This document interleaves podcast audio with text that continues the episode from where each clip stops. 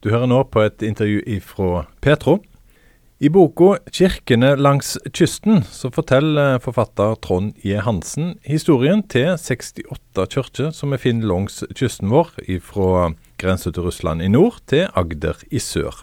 Lofotkatedralen, eller Vågan kirke i Kabelvåg som den egentlig heter, den ble bygd i 1898 og er den største trebygningen i Nord-Norge, med plass til 1200 mennesker.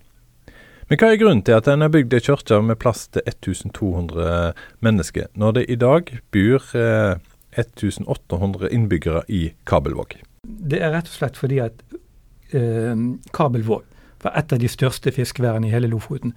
Det var der som var samlingsstedet for eh, hele Lofotfisket. I dag er det et relativt lite vær, fordi at det meste av eh, aktiviteten er flyttet over til, til Svolvær. Men eh, akkurat i Kabelvåg, da samlet de seg.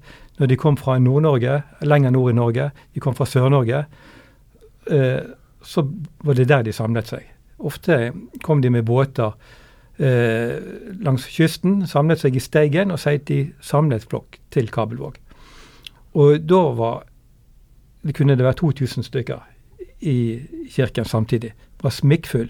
Eh, enkelte år måtte de faktisk selge billetter, ble det fortalt, for for å komme inn i kirken. altså. Sånn er det ikke akkurat i dag, da. Nei, for det var litt det jeg tenkte jeg skulle snakke litt om. For, for ting har skjedd her. Eh, når disse kirkene ble bygd, så, så, var det viktige samlingsplasser. Det var viktig eh, for å få Guds eh, altså mm. for trua deres. Eh, og så er det jo nå blitt kulturbygninger som forteller en historie. For, for disse kirkene som du presenterer, da må du ha båt eh, for å komme til dem. Og det, nå har vi jo bil og veier, ja. og da er det blitt kirkene blitt uh, ja, liggende på plasser som ikke er naturlig, egentlig, at det det. de ligger. Ja, Unntaket Kabel, den uh, Vågan kirke, eller Lofot katedral, den ligger jo sentralt til den dag i dag. Og er jo på, på mange måter en turistmagnet òg. Så den ligger I dag ligger den midt i turistløypen. Men tidligere så ble jo kirkene lagt i leia på kysten, der man kom til med båt. Sånn at de ligger egentlig på, på, på rekke og rad oppover på kysten, akkurat der man kom til med båt. Derfor så ligger de også vendt ut mot sjøen. Alle, alle kirkene stort sett ligger med inngangspartiet mot, mot sjøen. Den fineste siden mot sjøen, eh, der man, eh, man kom til. Eh, nede ved sjøen er det ofte anlagt brygger. sant? Eh, presten kom i land der, menigheten kom i land der. De døde ble satt i land med, i kister der. Ble båret opp til graven. Så alt liksom var rettet mot, mot sjøen. da. Men nå er jo vi eh, som lever i dag, avhengig av bil for å komme oss rundt. Eh, det å fortelle denne historien til forfedrene våre, mm. altså, som var så avhengig av båten, hvorfor er det viktig å huske den historien? Altså Det er jo klart at på kysten så har kanskje kirkene vært hatt større betydning enn noen andre steder i landet. Fordi at de drar hver dag så dro fiskerne ut på havet. De hadde bare et tynt bord mellom seg og døden. Eh, de hadde ikke overlevningstrakter, de hadde ikke VHF. De hadde ikke GPS, ingen av tingene, de her sikkerhetstingene. Eh, så de hadde egentlig bare én ting å stole på, og det var Vårherre. Noen steder også eh, barometeret, påstår de. Men, men, ellers så var det Altså, de, de, dro ikke på havet uten å være gode venner med Vårherre. Hvordan viser det igjen i kirkene? Altså, det, det, På mange måter. Det er jo eh, ofte fiskerne sjøl som har bygget disse her eh, kirkene. Men også er det veldig mange tilfeller at de faktisk har donert kirkeinvitar. Eh, de har tøffe opplevelser, fiskerne. De har kanskje hatt nær døden-opplevelser og donert faktisk alt fra lysekroner og forskjellige ting til kirken. I takknemlighet for å overleve. I sist valgkamp så var det jo snakk om eh, folk flest. altså det, det, var litt dette her med, med de rike og, mm. og oss, alle oss andre eh, som, som, var litt av gjennomgangstonen.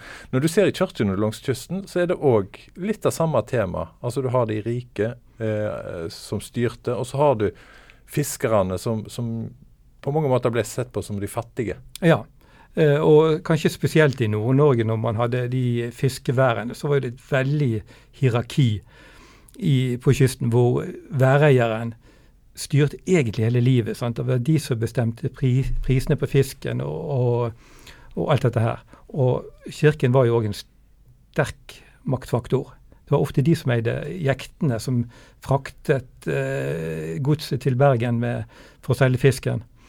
Eh, og, og, enkelte kirker i Nord-Norge spesielt, da, så hadde jo riket de hadde egne stoler som var høyt hevet over allmuen. Sant? Nærmere Gud, nærmere presten. Og når de døde, så fikk de enten hvile under kirkegulvet eller på de fineste kirkeplassene ved inngangen og sånt. da.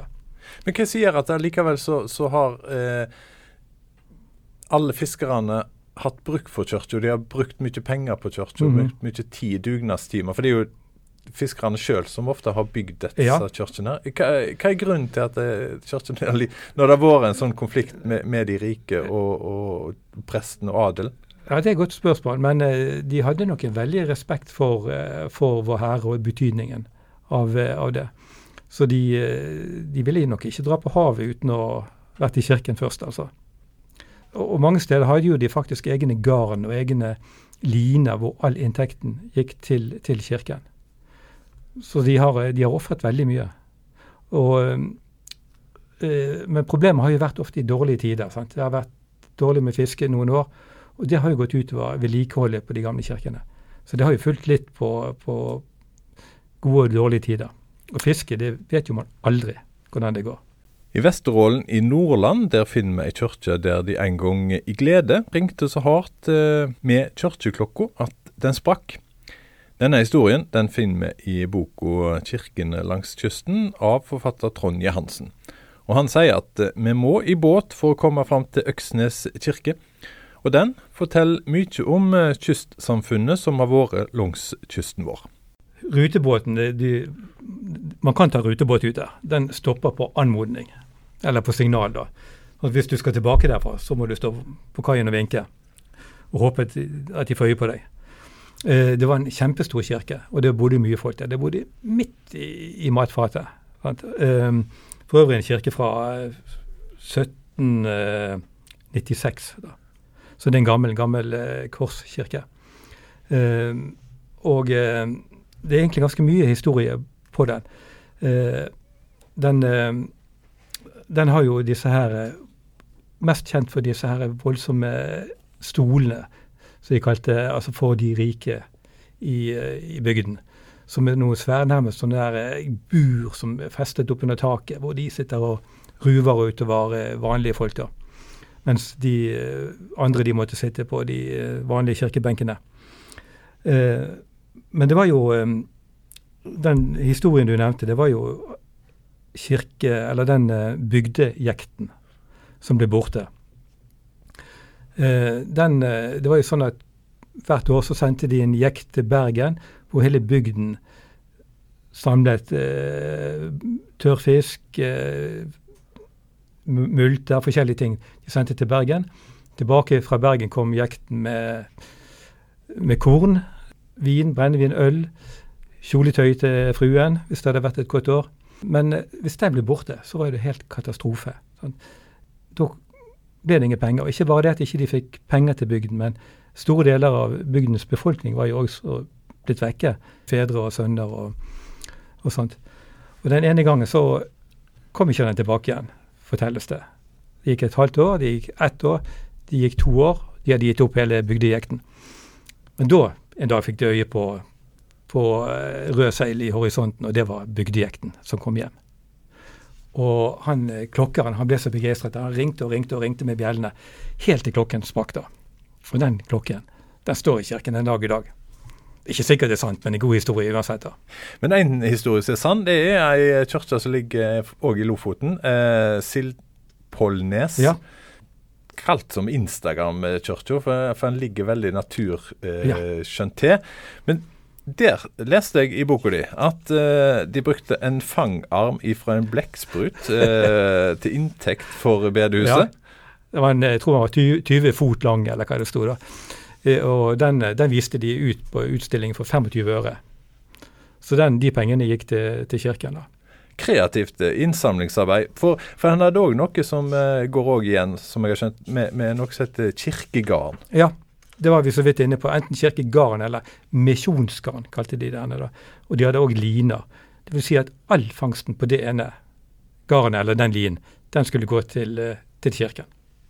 Og så Når det gjelder denne Sildpollenes kirke, så eh, har de altså Det er utrolig mye dugnad når det er snakk om å bygge disse kirkene. Ja. Eh, men så er det jo òg dugnad på, på restaurering, for det, mange av disse her er veldig godt vedlikeholdt. Mhm. Og denne her eh, kirka her, de som eh, vedlikeholdt den, de fikk altså sjokolade som oppmuntring. Ja, i tillegg til 5000 kroner, da. Eh, Fordi at eh, den, den ligger så utrolig vakkert til, den kirken, ut på en, på en eh, odde. Og som er da Higrafstind i bakgrunnen. Den høyeste fjellet av alle fjell i Lofoten ligger bak, pluss en haug med andre fjell. Så ligger, det er et rent eventyr.